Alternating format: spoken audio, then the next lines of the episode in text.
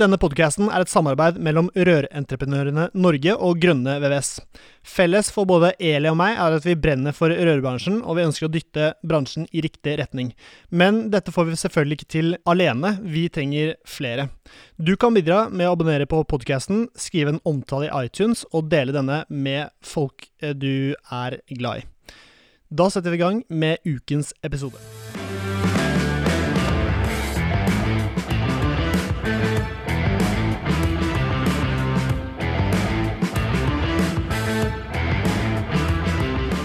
Hei og hjertelig velkommen til en ny episode av Bare Rør med Eli Hermine Heidal Eide fra Rør-Norge og Severin Poppe Midtade fra Grønne VVS. I dag er det to mot én. Det er to damer mot en eh, ikke mann engang, en liten en gutt. Guttunge.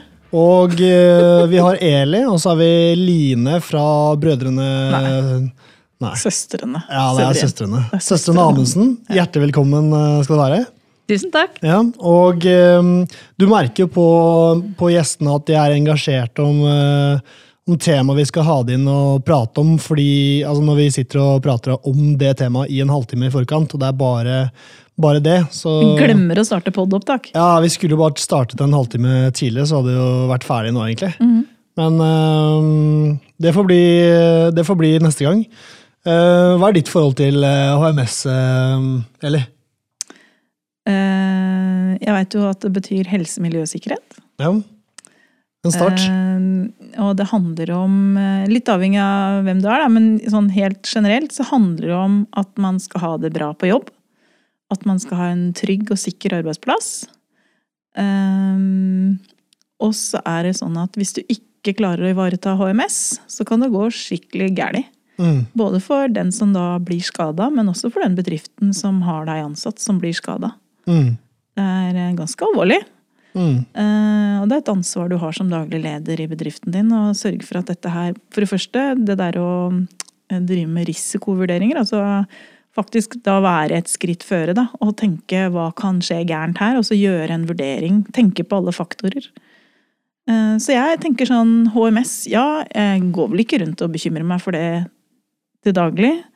Men jeg tenker at det ville jeg gjort hvis jeg drev en rørleggerbedrift. For det er mange farer der ute som kan liksom skade de du har ansatt. Ja, for det er jækla irriterende, for du har liksom du, du selger ikke en eh, Du er ikke Kiwi og selger bananer og Og det er helt varer, sikkert liksom. risikovurderinger på en Kiwi-butikk, og det kan jeg love Ja, men jeg tenker en banan eh, tar ikke sykemelding. De, det er liksom produkter, da. Mens det vi selger, er jo eh, manpower Kunnskap. og woman power. Mm. Og de kan jo gå ut i sykemelding. Mm. Og det er eksempel. dyrt. Det, for å si sånn, det er en annen faktor av det. Vi hadde jo en episode om sykemeldinger nå nylig. Mm. Men det er veldig dyrt å ha folk sjuke også. Så hvis du driver bedrift altså De fleste som driver bedrift, tror jeg driver bedrift fordi det er god business. Altså du skal tjene penger. Hvis du driver bedrift uten å tjene penger, så burde du egentlig heller bli ansatt et sted, tenker jeg. Ja. Og da er jo dette her med at folk er borte på jobb pga. skader og sykdom, som du kanskje kunne forhindra. Det burde være en motivasjon da, til å jobbe veldig med HMS. Ja, for det er liksom to Du bryr deg om de ansatte, og så er det jo pengene eh, som må inn for at øh, ting skal gå rundt og være, være gøy. Og Line, hva er det første du tenker på når du, når du hører HMS? Eh, Jeg tenker at det er noe jeg syns har vært vanskelig siden jeg tok over i 2008. At eh, eh, jeg begynte ganske tidlig med å Det var en av de første oppgavene jeg påtok meg som daglig leder, var jo å, å, å skulle bli god på det. Eh, og begynte å orientere meg for det vi hadde den gangen. Og det var perm på perm på perm med papir og papir, og vi snakka og hørte om kurser og alt sånt. Og det, Litt uoversiktlig, liksom. Veldig uoversiktlig. Og, og når ikke jeg som brukte så mye tid på å lære meg det eller bli kjent med det, så tenker jeg i alle dager hvordan skal jeg overføre dette til de som jobber hos oss. Og det var mange år, og jeg var gjennom så mange eh, leverandører på HMS- og KS-systemer. Og den eneste tilbakemeldinga jeg fikk, var liksom eh, Ja, men eh, dette er minstekravet, og dette er sånn skal loven være. Og, Cover my ja, nettopp. Og, og så sier jeg, men hvordan kan eh, hvordan, men, men jeg handler om eh, Jeg må vite at de ansatte faktisk har eh, lært dette, hvor de, hvor de ansatte finner eh, informasjon, og hvordan ikke sant, liksom var veldig opptatt av de. Og da fikk jeg liksom bare tilbakemelding fra disse leverandørene at bare hæ, det er jo ingen som bryr seg om det. Det er jo liksom eh, Det, det var noen år siden, da. Eh, alle er liksom bare opptatt av liksom at, at, de liksom skal ha papirene i orden hvis du får mm. ettersyn. Mm. Eh, det var liksom ingen som på en måte stilte krav til hvordan dette liksom, at det skulle være bra for de ansatte. Liksom. Så det er det ingen som hadde prioritert. Det var liksom første reisen jeg hadde med det. Mm. Så jeg var jo tidlig ute med å liksom leite etter digitale verktøy, for jeg mener at alt digitalt er mye lettere i forhold til kommunikasjon. Mm. Og, og, ikke minst ivareta det du har altså, Sånne ja, ja. papirhauger er jo ikke så mye verdt. Ja, og jævlig mye morsommere da, for de som skal uh, lære det. Mm. Absolutt. Så, um, og så har vi jo trodd at vi har vært veldig gode på det hele veien og alt sånt. Og, og følger opp de ansatte tett osv. Og, så videre, og så hadde vi en ganske stygg nestenulykke, eller ikke nestenulykke, jeg vil kalle det en ulykke, en som skar eh, seg ganske kraftig. En lærling. Hvor da begge de to eh, som var med denne på jobb, eh, var reist ut på hver sin bil. Forente materialer. Og så sitter lærlingen aleine igjen i leiligheten og skjærer av seg nesten fingeren. Og blodet spruter, og ingen førstehjelp-koffert er i nærheten, for de ligger jo i bilene. Eh, for det er klart, på, Når vi er inne på prosjekt lengre, så skal det jo være førstehjelpskoffert. Men er det mindre oppdrag at du bare skal innom en tur, så skjer jo ikke det i praksis at det bærer med seg verktøy og, og førstehjelpskofferten. Ja. Eh, man gjør jo ikke det. Eh, så da ikke, Og den lærlingen hadde vi utplassert, vi hadde bytt, bytta lærling med et annet firma. Mm. Ikke hadde jeg oversikt på hva den Kjente ikke godt nok heller, kanskje? Nei, liksom. jeg visste ikke hva, hva slags bakgrunn den nei, lærlingen hadde. Ikke visste jeg um, Ikke visste han til våre rutiner. Ikke hadde han telefonnumrene til uh, disse folka. Og ikke, ikke sant? Så alt bare feila der, altså. Mm, og det var skikkelig skummelt. Mm. Nå gikk det selvfølgelig gudskjelov bra. Eh, han blei operert og, samme, og fikk redda fingeren sin, liksom. Men mm. eh, det, det, kunne jo vært liv, hvis det hadde vært liv om å gjøre, liksom. Det, mm. Ganske skummelt. Mm. Ja. Du, vi glemte en ting innledningsvis her, Severin. For den, Line er jo Line. Men, og ikke fra brødrene, men fra søstrene Amundsen. Ja. Og når du spurte meg åssen forhold har du til, så trodde jeg du skulle si Line. Ja. Og så kom HMS isteden. Ja. uh, for jeg tenker sånn, uh, Vi har jo hatt mange personligheter innom den podkasten vår i alle de episodene vi har hatt. Og når jeg, veldig mange som tenker på søsteren Amundsen, tenker jo ikke på deg, Linn. De tenker på søstera di, som er rørleggermesteren Mariann. Men du er ikke rørlegger. Nei, Nei. Ikke det. Du kom jo inn i bedriften som da en av søstrene som kan andre Dere har jo komplementære ferdigheter, tenker jeg da. Mm. For Marianne er den som kan fag og skjønner fag, og mm. du er den som kan administrere og være leder. Mm. Um, men litt sånn storyen. fordi at når jeg møtte dere, så het jo det firmaet Brødrene Amundsen rørleggerbedrift. Mm. Hva skjedde? Ja, nei eh, Det blei jo sånn at jeg, verken jeg eller søstera mi skulle ha noe, være noe rørleggere. Det var ikke på tanken engang. Vi hadde jo masse planer på hva vi skulle bli. Eh, og når alt det skjærte seg, så, øh, og ikke hadde noen plan B, så hjalp jo pappa litt på kontoret. Og så Mariann kom først inn i 95 eh, og syntes dette plutselig var veldig spennende. Og, Hun hadde jobba litt i helsevesenet og litt forskjellig? Ja, litt forskjellig rundt omkring. Og så Eh, Tror du det var spennende for henne fordi hun fikk, um, fikk, se hvordan hele bedriften funker? Og hun fikk se alle perspektivene, eller var det, eller var det mest jobbingen hun uh, syntes var kult? På, tilbake på 90-tallet. Det var jo litt lavkonjunktur i tillegg. Og vi hadde et par-tre servicerørleggere og vi, det var skrivemaskin. Pappa satt og skrev på papir, og så satt vi på skrivemaskin og skrev inn fakturaer og tilbud, mm. og så satt de i en perm. Mm. Uh, og vi hadde sånn der prisboka. Det var sånn overhead som vi der var zooma inn på med sånn vanvittig svære skjemaer. Så det var ikke så veldig mye moderne den gangen. Men verden har jo gått videre. Det er ikke alt som var bedre før. Nei, eh, egentlig så savner jeg litt i tiden. da, For det er jo ikke så mye digitalt som funker akkurat nå. Så eh, jeg savner litt den skrivemaskinen. Det, du hadde kontroll, i hvert fall. Det, ja, det var mye mindre, brukte faktisk mindre tid på administrasjon i gamle dager. Ja. Eh, men ting, alt var jo annerledes, jeg går ikke an å sammenligne det. men... Dere satt der, og så Ja, hun ble først eh, Ja, hun var jo kontorhjelper, og så var det eh, ble hun kjempeinteressert. Pappa jo, mente jo at damer hadde jo ingenting i rørbransjen å gjøre. Eh, og da ble søsteren min da skulle hun i hvert fall bli det. Så da begynte hun i læra, og da mista jo pappa kontormedarbeideren sin. Så når jeg, min plan B, A og B og C gikk i vasken, så var jo han raskt på foten og spurte om ikke jeg kunne komme inn på kontoret og hjelpe til litt med papirarbeidet. Og da var jo Mariann godt i gang med læra, så jeg begynte i 97, to år eh, etter Mariann, da. Mm. Eh, og så drev vi som en god rørleggerbedrift, service, kun egentlig med servicerørleggere mm. i flere år. Og så overtok vi i 2008. Så skifta vi navn i 2015, da. Eh, og det er fordi at da var jo verden blitt digital, og at eh, lang historikk var ikke så viktig lenger. Det var liksom Google og ferskvare som gjaldt, og da Mm. handla det mer om å skille seg ut, da. Mm. Det var ikke egentlig en sånn feministgreie, det var egentlig en sånn bare sånn skille oss ut for alle de brødrene-navnene som sto der. Eh, Eller Jeg husker dere tulla litt med at eh, ja, det var en gang fattern dro på ferie. Da gjorde vi om hele butikken, og så var det en annen gang så fikk vi sånn der, eh, varenummersystem på hyllene. Og så neste gang han dro, så bytta vi navn. Det var litt han, sånn eh, han var ikke så glad i forandringer, eh, så de gangene vi kunne forandre ting, var jo når han var borte. Så Ja. da var det om å gjøre å gjøre mest mulig på kortest mulig tid. Det var jo alltid sånn.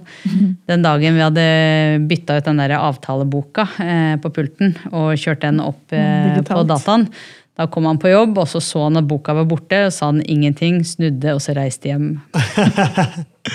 Herlig. Så mest produktivt når han var borte. Definitivt. Ja. Men han takla jo det at dere bytta navn ganske bra. Jeg, jeg fikk vel inntrykk at han var ganske stolt av disse døtrene sine, som plutselig blei veldig synlige. Ja, kanskje. Ja, jeg. jeg er ikke så opptatt av å prate om alt sånt i familien, egentlig. Blir litt jobb sånn på fritidsbasis, men, eh, men ja, det har vært en suksess, det, altså. Hva driver bossen med om dagene?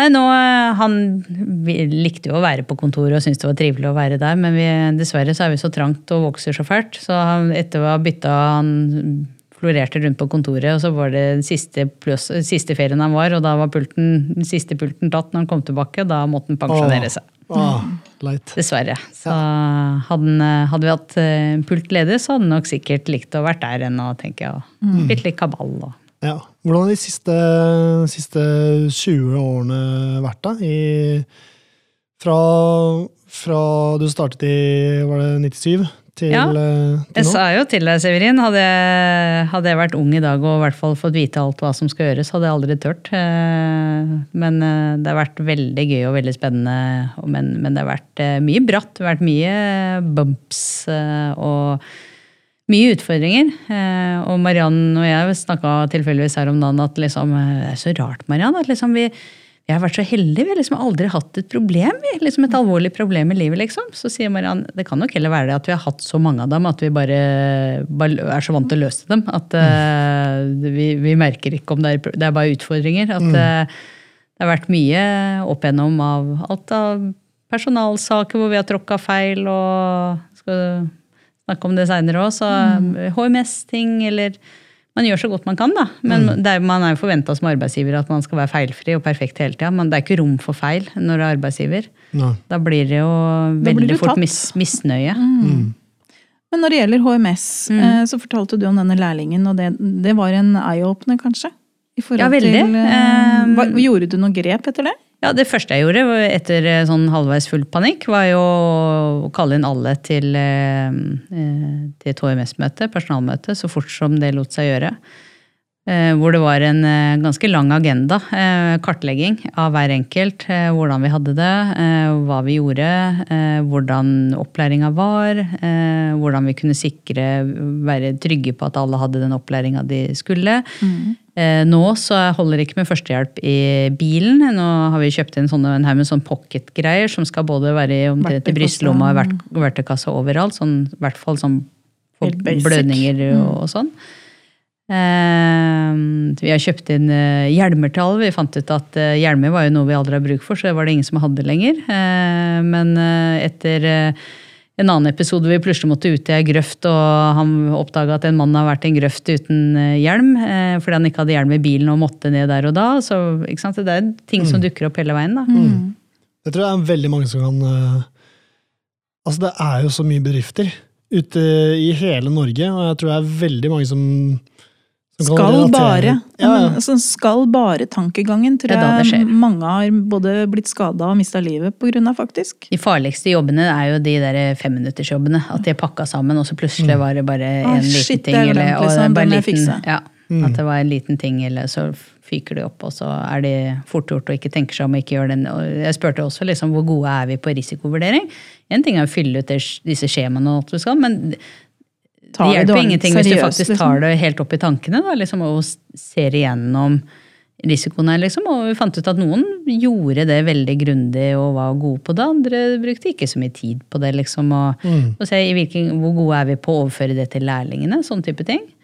Nei, det er jo stort sett oppi eget hode eller eh, sjekklista eller noe sånt. ikke sant? Men hvor, hvor flinke er vi til å involvere lærlingene til å bli gode på disse tingene? ikke sant? Mm. Men hva er det som går opp i huet ditt nå med, med HMS-en? Er det liksom Hvor føler du at dere har kommet, og hvor er det dere og de ansatte kan bli bedre? Ja, der vi, De strakstiltakene vi har, eh, som vi kartla, da, var det ene var jo førstehjelp. At vi skal ha det tilgjengelig uansett. Hva med kurs og sånn? Eh, kurs. Eh, vi har kartlagt internt, eh, sjekka hvem som trenger oppdatering på førstehjelpskurs. Og vi har sånn eh, app eh, gjennom eh, Bademiljø som da vi kan sende ut meldinger sånn de kan svare på forskjellige svar. Kartlagt hvem som eh, trenger oppfriskning og, og, og så videre.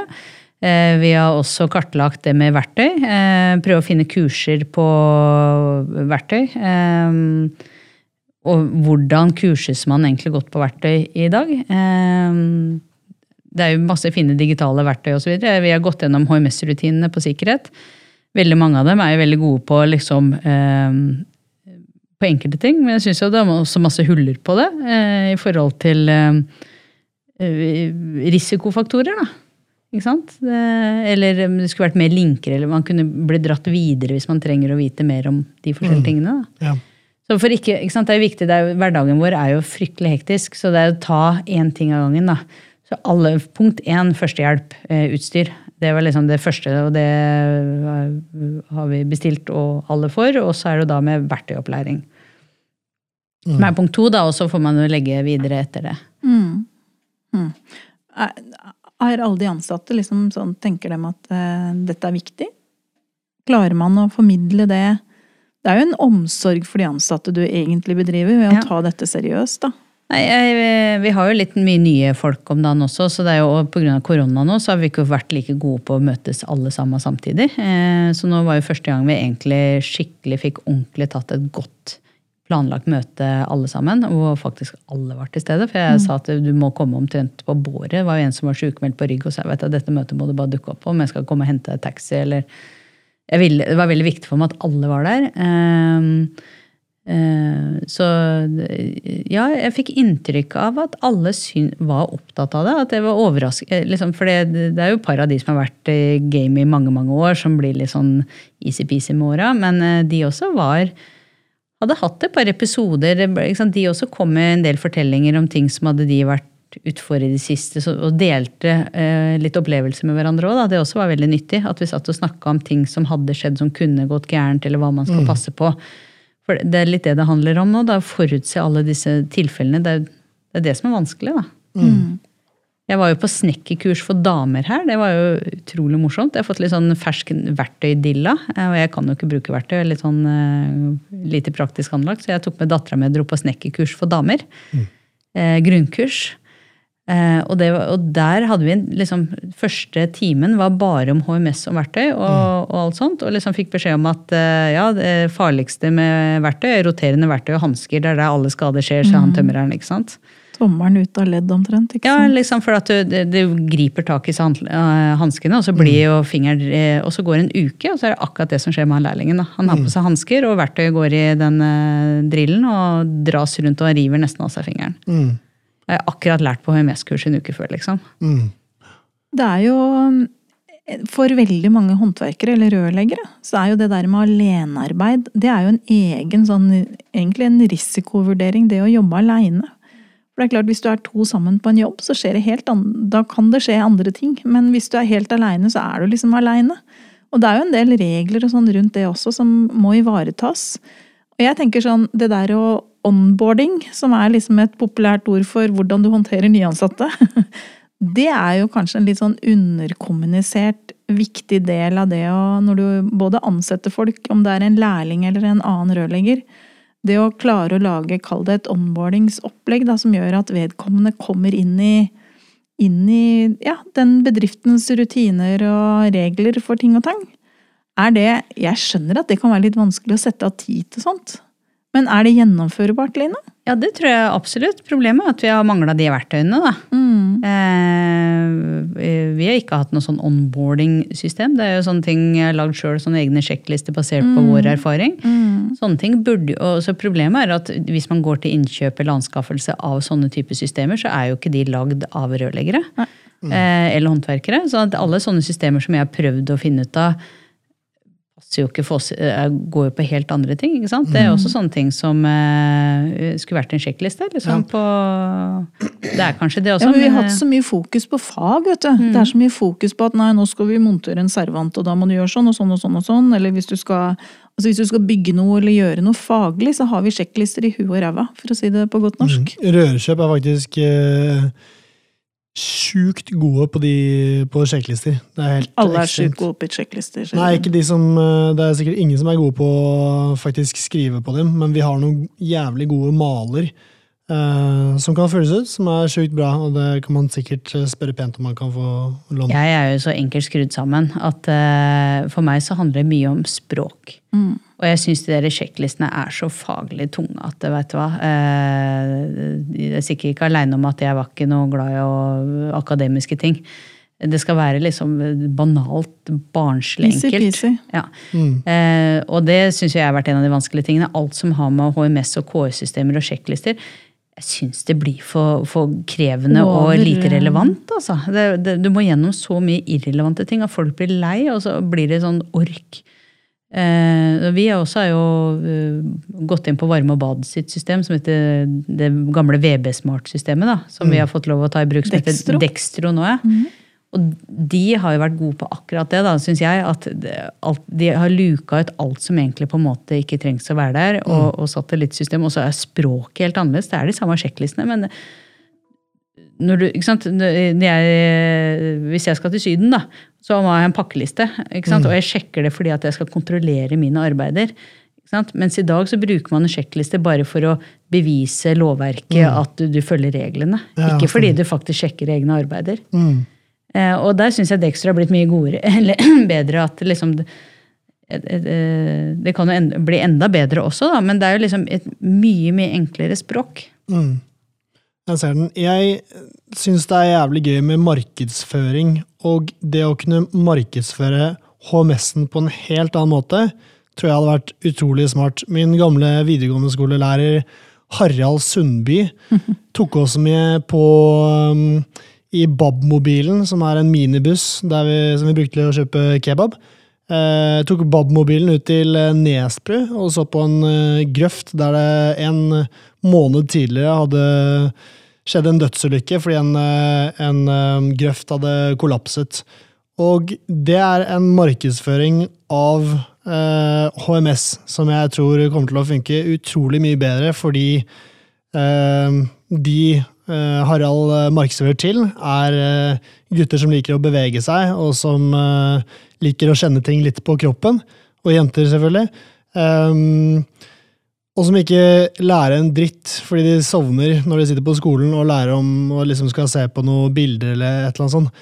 Det er så mye mer effektivt å få en litt sånn støkk i seg og faktisk skjønne hva Altså kjenne det på kroppen istedenfor å sitte og sove på klasserommet.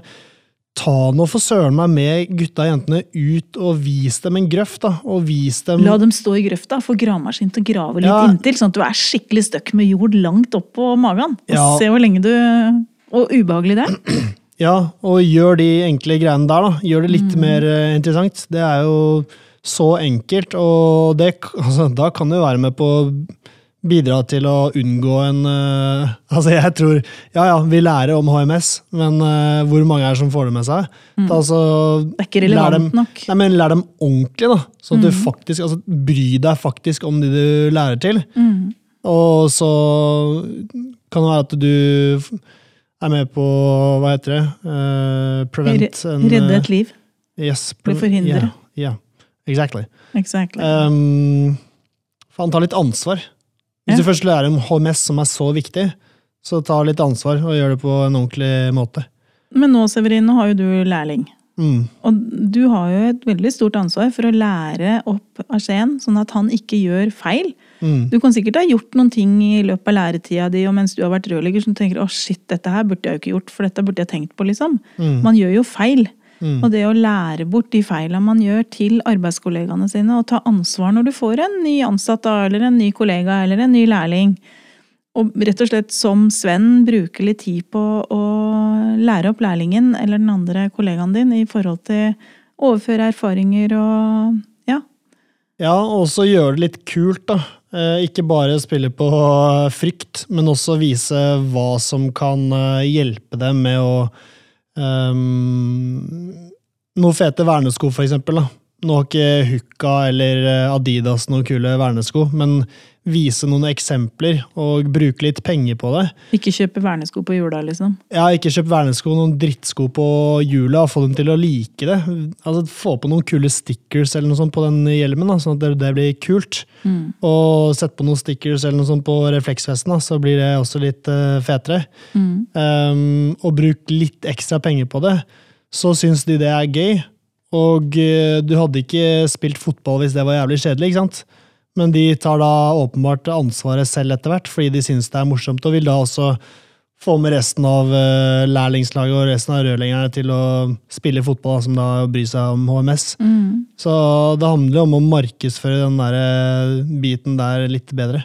Akkurat som at det er kult å jobbe trygt. Eh, Mm. Og jeg tenker det har litt med omdømmet vårt å gjøre. Ja. Hvis du blir sett på som en sånn cowboybransje som bare suser rundt, så er det ingen som har lyst til å begynne å jobbe i bransjen vår heller. Mm. Så til mer trygge de som er ansatt hos deg, Line, og deg og du, Severin, er i forhold til hvordan vi framstår. Eh, Det har jo med seriøsitet å gjøre. Men jeg tenker vi snakka litt sammen, Henny og vi snakker litt. um, og da sa du at du hadde fått en sånn derre aha-opplevelse når det gjaldt asbest. Ja. Fortell. Ja, igjen da, jeg er jo litt sånn nerd på sånn. Jeg har lyst, lyst til å, å være god på sånn. Og så eh, opp gjennom åra også, så har det vært liksom veldig å, Min erfaring han, å, nå har vi vært borti asbest, vi stopper arbeidene og tilkaller folk som eh, eh, skal sanere. Det er liksom det forholdet jeg har hatt til asbest. da. Eh, og så har jeg sett gjennom de rutinene som er i vårt HMS-system, og der står det også bare det at nei, asbest er farlig, du skal ikke gjøre noe med det, du må stoppe arbeidet, og hvis du eh, blir eksponert med det, så må du da til bedriftshelsetjenesten og sjekke det, osv. Det er liksom det som står. Eh, Jeg prøvde å google det. Det var jo et tilfelle her hvor vi hadde vært borti når noen var litt i tvil på hvor grensa gikk, eller hva som var asbest osv. Eh, og så ved en ren tilfeldighet så er det en samarbeidspartner som da tilfeldigvis driver med asbest på si, som sendte meg et par sånne korte videosnutter om asbest, hvor jeg var oh my god, det, dette visste jeg ikke. Eh, har du fått sett de videoene? Jeg har sett dem. Ja. Så Og jeg var litt spent på, jeg ville ikke si så mye til heller. Så jeg tenkte, eh, kan ikke du bare se på de videoene? Også, fordi jeg er litt opptatt av om, eh, om, om dette? Det er ikke så, hva som bare er meg, er ikke så interessant for andre. Så jeg sendte seg videoene til Eli liksom, eh, for å høre om hun, opple hun som har en helt annen tyngde og en helt annen fartstid eh, og faglig mye bakgrunn enn tyngre enn eh, Line, skjønner du. ja, men Ja, ja, ikke sant? Du har jo en veldig veldig brei eh, bakgrunn eh, i forhold til meg, som er veldig veldig snever. Eh, Og Derfor tenkte jeg liksom, ok, du som jobber med rørentreprenørene og følger opp og vet hvordan ståa er rundt omkring, liksom, hvordan, hvordan, hva tenkte du når du så de videoene? Jeg, jeg visste jo for så vidt mye om asbest fra før, men jeg har jo ikke jobba som rørlegger på 100 år. eh, Eller lenge. Men poenget er at eh, det han snakker om, er jo så viktig. For at dette er jo eh, Alle rørleggere kommer borti rør som er isolert med asbest hvis du er på gamle bygg, f.eks. Og det er, ikke sånn, det er ikke bygg fra 1900 og den tid, det er bygg fra opp langt opp på 70-tallet, til og med 80-tallet, tror jeg. Hvor det blei brukt asbest eh, i veldig mange settinger. da. Og det skal sies, altså nå tenker vi på asbest som et sånn megaproblem. Men når det kom, så var jo det virkelig sånn wow, dette er et helt fantastisk problem. Det løser alle problemene våre. Dette er et mirakelprodukt. Så det blei jo brukt vanvittig mange steder. Og så kommer da dagens håndverkere ut for dette her, Og vil på en måte kunne utsette seg sjøl for livsfare i forhold til at det er kreftfremkallende. Ikke bare det, men eh, det er en av de tingene som jeg virkelig lærte meg, som jeg ikke visste. da. Jeg vet jo da spesielt isolasjon, da. Det er liksom det som er veldig ofte. Eh, og så man kutter, og så, øh, øh, og så Oi, her var det asbest. Og så øh, gjør man det, og så kommer noen og sanerer, og så klipper bort en liten bit, og så er man all good igjen. At det, når du da rører asbest, at det da henger i lufta og, og, og forurenser det rommet i den graden det gjør. Kan ikke jobbe der Eh, før det er sanert, hele rommet. Nei, hele rommet og alt, og i de store tekniske liksom alt, alt, Hvor stort, ikke sant. Jeg trodde asbest var mye enklere. Jeg bare Hold deg unna, så kommer noen og fikser det, og så kan du komme tilbake igjen. Det var liksom det jeg trodde. At du skal bare passe på å ikke puste inn, og så må noen andre enn deg selv komme og fjerne det. Eh, og så er man jo litt sånn, jeg tenkte sånn, ja, hvor farlig kan det egentlig være? Da er det ikke bare å plukke det bort den lille biten, og så kan man fortsette. Jeg har jo tenkt det tidligere, at liksom ikke forstått hvor farlig og hvor mye det henger i lufta, alt dette her. da. Så nå skal vi på asbestkurs eh, rett over sommeren, eh, alle sammen. Og det er litt sånn Det er jo, et, det er jo støv du ikke Det er så smått at du ikke ser det. Så det du er ikke i stand til å observere de støvkorna, liksom, men det bare suger seg fast inn i lungene dine, og du får det aldri ut igjen. Så Og så blir det en sånn negativ spiral. Da, liksom man, øh, I forhold til øh, Man blir jo øh, vi, vi er ikke så mye der, men erfaringsmessig jeg syns jo rørleggerbedriftene opererer med altfor små marginer. At alt handler om hele tida å spare og spare, være på marginer. og at du kan ikke mange bedrifter har ikke råd til å investere i kursing, opplæring, verktøy og HMS-utstyr eh, fordi at marginene er så små. Fordi at vi ikke tør å ta betalt for tjenestene våre og det vi gjør. Da. Eh, og det er jo ganske eh, store eh, ansvarsområder vi faktisk leverer, ikke sant? Eh, så, så igjen, da, ikke sant? jeg skulle ønske at, eh, at bedriftene da lett tålte velferdssystemet Norge med sykdom og, og kan kurse. ikke sant? Sånn som når du taper, er det på dagtid, så taper du både inntekt og du må betale lønn og kurs i tillegg. Det blir ganske kostbart. Så liksom eh, Ja, det er så mye liksom som på en måte skulle vært annerledes i forhold til eh, muligheten til å lære seg opp. da, ikke sant? Dess, dess mindre marginer og større prosjekter man driver med, dess mindre råd har man igjen til å investere i HMS. da. Du ser jo hvor viktig det er å drive med opplæring, altså å tilføre lærlingene mest mulig i løpet av læretida. For det er jo faktisk, det er jo faktisk en periode du har, er, som er satt av til å drive med opplæring, også av HMS. Ja, ja. Sånn at det at eh, dere som bedrift stiller krav til opplæringskontoret deres om hva slags kurs dere vil at lærlingene skal på. Ja. For det er klart det er mye billigere for deg å sende en lærling som går første, andre, tre, tredje halvåret sitt i læra på kurs, enn å sende en produktiv rørlegger på kurs. Så på det møte, fellesmøtet vi hadde, så har vi jo også en del som har ganske nylig tatt svennebrevet, og de følte ikke at de hadde det de trengte av opplæring på verktøy og HMS.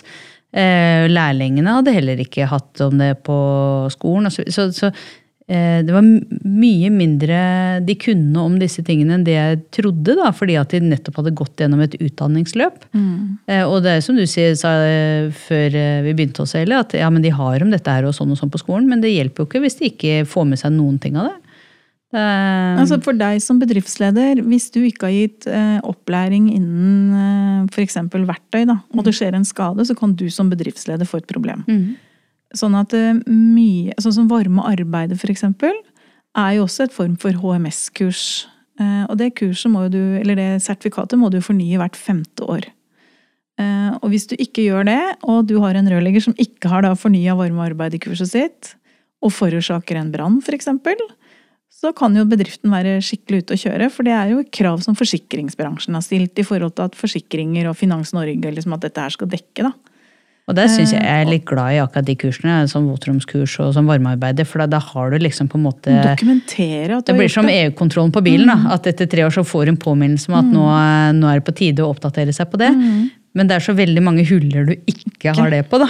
Eh, så akkurat det med de, disse tingene som går automatisk, at du har et bevis, et sertifikat som går ut på dato som du må fornye, det er veldig lett å holde seg oppdatert på. Med alle de andre. Med alle de andre.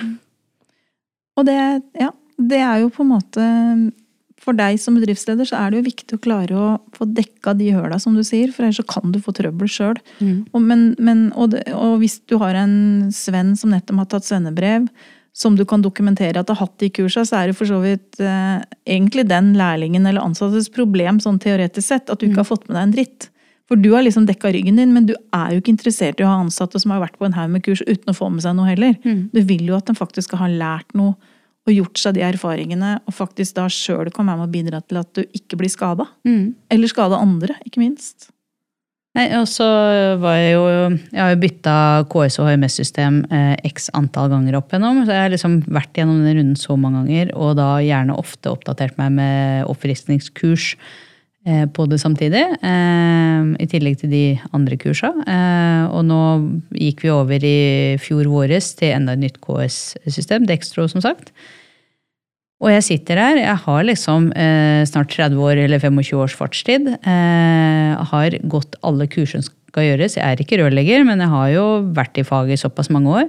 Og jeg sitter her og føler meg som sånn tolvåring med musefletter. Jeg føler meg liksom sånn, vet du hva, dette syns jeg er så vanskelig og gresk. Jeg skulle ønske at noen som var god på dette, satt sammen med og hjalp meg til å liksom kvalitetssikre at alt det jeg gjorde, at jeg var på track. da. Eh, og så prøver jeg å ringe rundt, og så det, så syns jeg ikke at det er noen som kan faktisk hjelpe meg med akkurat den jobben. Jeg ønsker rett og slett å kvalitetssikre meg selv. Eh, men det, det er liksom, igjen da, det er så forventa hele tida at ja, men du skal jo bare være best på alt. Du er jo arbeidsgiver, du er ditt ansvar. og liksom, Hvis ikke du er best på alt, så kan du gå og finne på noe annet. Men man er jo ikke best på alt når man driver en liten, mellomstor bedrift. da. Har du vært gjennom miljøfyrtårnsertifisering? Nei, Jeg begynte jo på det etter podkasten her, for det også har vært på blokka lenge. For det er jo en del av det du går igjennom på miljøsertifiseringa, er jo nettopp det at du har en del av disse rutinene i orden, i hvert fall. Så det er jo en liten hjelp på veien, i hvert fall, tenker Ja, ja. jeg. Håper jeg. Men eh, jeg skulle gjerne hatt en mentor som var supergod på HMS, som rett og slett bare kunne gått gjennom alt jeg gjør, for å faktisk sagt at vet du, dette liksom, Her eh, har du alt på stell. Mm. fordi nå, det er vanskelig å vite om det man ikke kan er god på, når man ikke kan er god på det. Ikke sant? Det, Høres ut som vi må snakke mer om HMS i Rør-Norge. ja, Ja. Kunne ikke, det er jo et tema. Kunne ikke du stikke ned til meg en dag, Ayla? Så kunne du egentlig bare Jeg er jo ikke noe HMS-guru, men jeg tenker sånn, jeg har jo faktisk en finger med i spillet i forhold til hva vi snakker om i Rør-Norge. Ja, ja, ja. uh, og vi har ei som er, hun som er avdelingsleder hos oss i Rogaland, er jo en HMS-racer. Hun Gry Winterstad. Så jeg tenker at um, Og så sitter Line i det som heter SMB-utvalget vårt. Vi har jo et utvalg for små og mellomstore bedrifter for å gi oss i Rør-Norge råd i forhold til hvordan vi skal jobbe overfor de bedriftene. Og Line er jo med der. Og er en tydelig bidragsyter. hun, ganske, hun har ikke noen sånn veldig sperringer, så hun sier ting som det er, og det er så deilig. Ja. Men, ehm, ehm, men eh, det også er fryktelig vanskelig, syns jeg. For nå er jeg jo medlem av alle sånne greier på ikke sant? Det er BNL, og det er NHO, og det er eh, Rørentreprenørene, og det er eh, Ballmiljø og det er Norge, og det, ikke sant? det er, det er så, og Dextro og alt. Og så, bare i løpet av én dag så er det sikkert 20 sånne webinarer jeg burde delt på. Dette må du, og dette må du. Jeg, jeg klarer ikke å navigere meg. Det er altså så mye kurs og webinar Du må si nei til noe, ja, men det er veldig vanskelig å vite hva jeg skal prioritere og ikke, da, syns jeg. Eh, for man har, man har veldig Jeg har slutta å si at man ikke har tid, for jeg syns det er så fælt ord. Eh, jeg kaller det kun prioriteringer. For da, da sorterer jeg litt annerledes. Altså, nei, dette prioriterer jeg ikke. Dette kan jeg ikke prioritere. Fordi det med å si at man ikke har tid, det er blitt så ødelagt klisjéaktig. Så når unger kommer og spør meg for eksempel, mamma, kan du hjelpe meg med det? Når du har lyst til å si at jeg har ikke tid eller ta det senere, så sier jeg du, det kan jeg ikke prioritere akkurat nå. Så, så tar du en liten sånn ekstra eh, greie i hodet, da. Og liksom hva er det som er viktig og ikke viktig, når du, når du kaller det prioriteringer. Så, så jeg bruker alltid det når jeg får alle disse tingene. Er dette noe jeg skal prioritere? Fordi man har ikke mer enn 24 timer i døgnet, og det, alle har jo like dårlig tid. helst sove noen av dem. Ja, ikke sant? Mm. Det er noen da som har mer tid i døgnet enn andre, men, eh, Mm. men eh, nei eh, så, så det også syns jeg er veldig vanskelig. Og kvalitetssikker For jeg, jeg, jeg var jo så ivrig tidligere og var på så himla mye sånne kurs. Og veldig ofte så sitter jeg igjen med at disse kursene er 10 innhold og, og 90% reklame eller eh, husfyll, holdt jeg på å si, eller bare sånn prat. Blabbel. Ja. Ja, For det er ofte Eh, vanskelig, syns jeg også, når vi skal ha foredrag og sånn. Altså, Mm. Hvis du f.eks. har en leverandør da, som skal komme og snakke om noe, så er det liksom Du må liksom regne med at en tredjedel av foredraget bare er sånn sjølskryt. Og det sier jeg, det kan du bare ta vekk. Mm. Det er jeg ikke interessert i. Mm. Det får du ta etterpå. Men det er sant. ja, Ja, ja. Så Ting som den personen syns er spennende og interessant. Mm, de, de, de, de er ikke, de er ikke dynamiske, de kommer med en eller annen flipp over. Da. Og så kjører de gjennom et så tett program at liksom De måler jo ikke, ikke sant, som en jeg meldte meg på kurs. Ikke sant? Du vet jo ikke bakgrunnen til de som kommer der. Noen har jo liksom 30 års erfaring, og noen har tre måneder. Du kan ikke kjøre samme kurset på de. Ikke sant? Og det var, Apropos det snekkerkurset jeg var på, eh, så sto det liksom, det sto liksom agenda. Eh, og så sto det i, i utgangspunktet HMS og opplæring av verktøy og sånn. Utover det så, så avgjøres agendaen etter deltakernes nivå og, og ferdigheter. Og så har de en liten gruppe, var jo maks seks stykker. Og så blir det en kartlegging av hva er din bakgrunn, hva er, din, hva er du driver med, hva er ditt interesse, hva er dine forventninger. Og så brukte vi masse tid på det. Og så blei kurset styrt tilpassa. ut ifra det.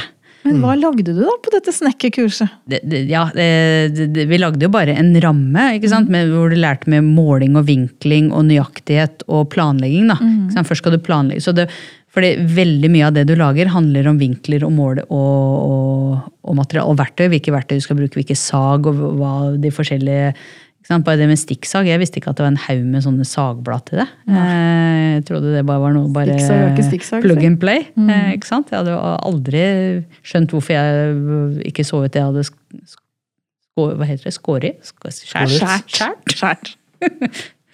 Eh, så, så ikke sant? Det, det, at mye mer av sånne kursing faktisk var at du kartlegger bakgrunn og kompetansenivået til de som kommer. Fordi veldig mange så bommer du. da, Du skyter så bredt på kurs for du skal omfavne alle at, Alle skal at det blir veldig mye bortkasta tid. Fordi at noen har enten kan det fra før, eller at det blir for vanskelig. Liksom, det, ja, det hadde vært kult. Eh, og spesielt også på HMS. Ikke sant? Det nytter ikke å bare kjøre gjennom et system, fordi du aner ikke bakgrunnen. Og hvis det sitter noen der som er god på veldig mye av det, så, så må du gjennom det fordi at du skal være sikker på at du skal få med deg alle. Så blir det veldig kjedelig, og så detter du av, da. Kult. Nå fikk jeg noen skikkelig gode ideer. Jeg fikk lyst til å starte en, eh, en liten side hustle. Der vi, vi lager et, eh, en bedrift som driver med HMS-undervisning. Og så bare kjører vi et sånn helvetesshow der det kommer eh, ut av, eh, av læringen bare skjelver som et aspeløv. Men eh, ja. Det kurset vil jeg gjerne være med på som sånn eh, Du skal være test, Ja, eh, testkjører deg. mm. Det er supert, men da, da runder vi av denne poden, og så må alle fylle ut skjemaene sine og holde seg safe til, eh, til neste gang. Stay safe. Stay safe. Vi prates.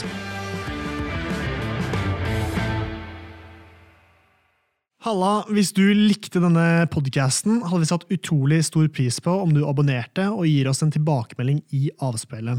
Eh, spre gjerne ordet videre til andre i rørbransjen som brenner for rørleggerfaget og er opptatt av å drive en seriøs rørleggerbedrift. Mitt navn er Severin Poppe Midteide, og med meg har jeg co-host Eli Hermine Heidal Eide. Sammen er vi to podkasten Bare Rør med Eli og Poppe. Et samarbeid mellom Grønne VVS og Rørentreprenørene Norge.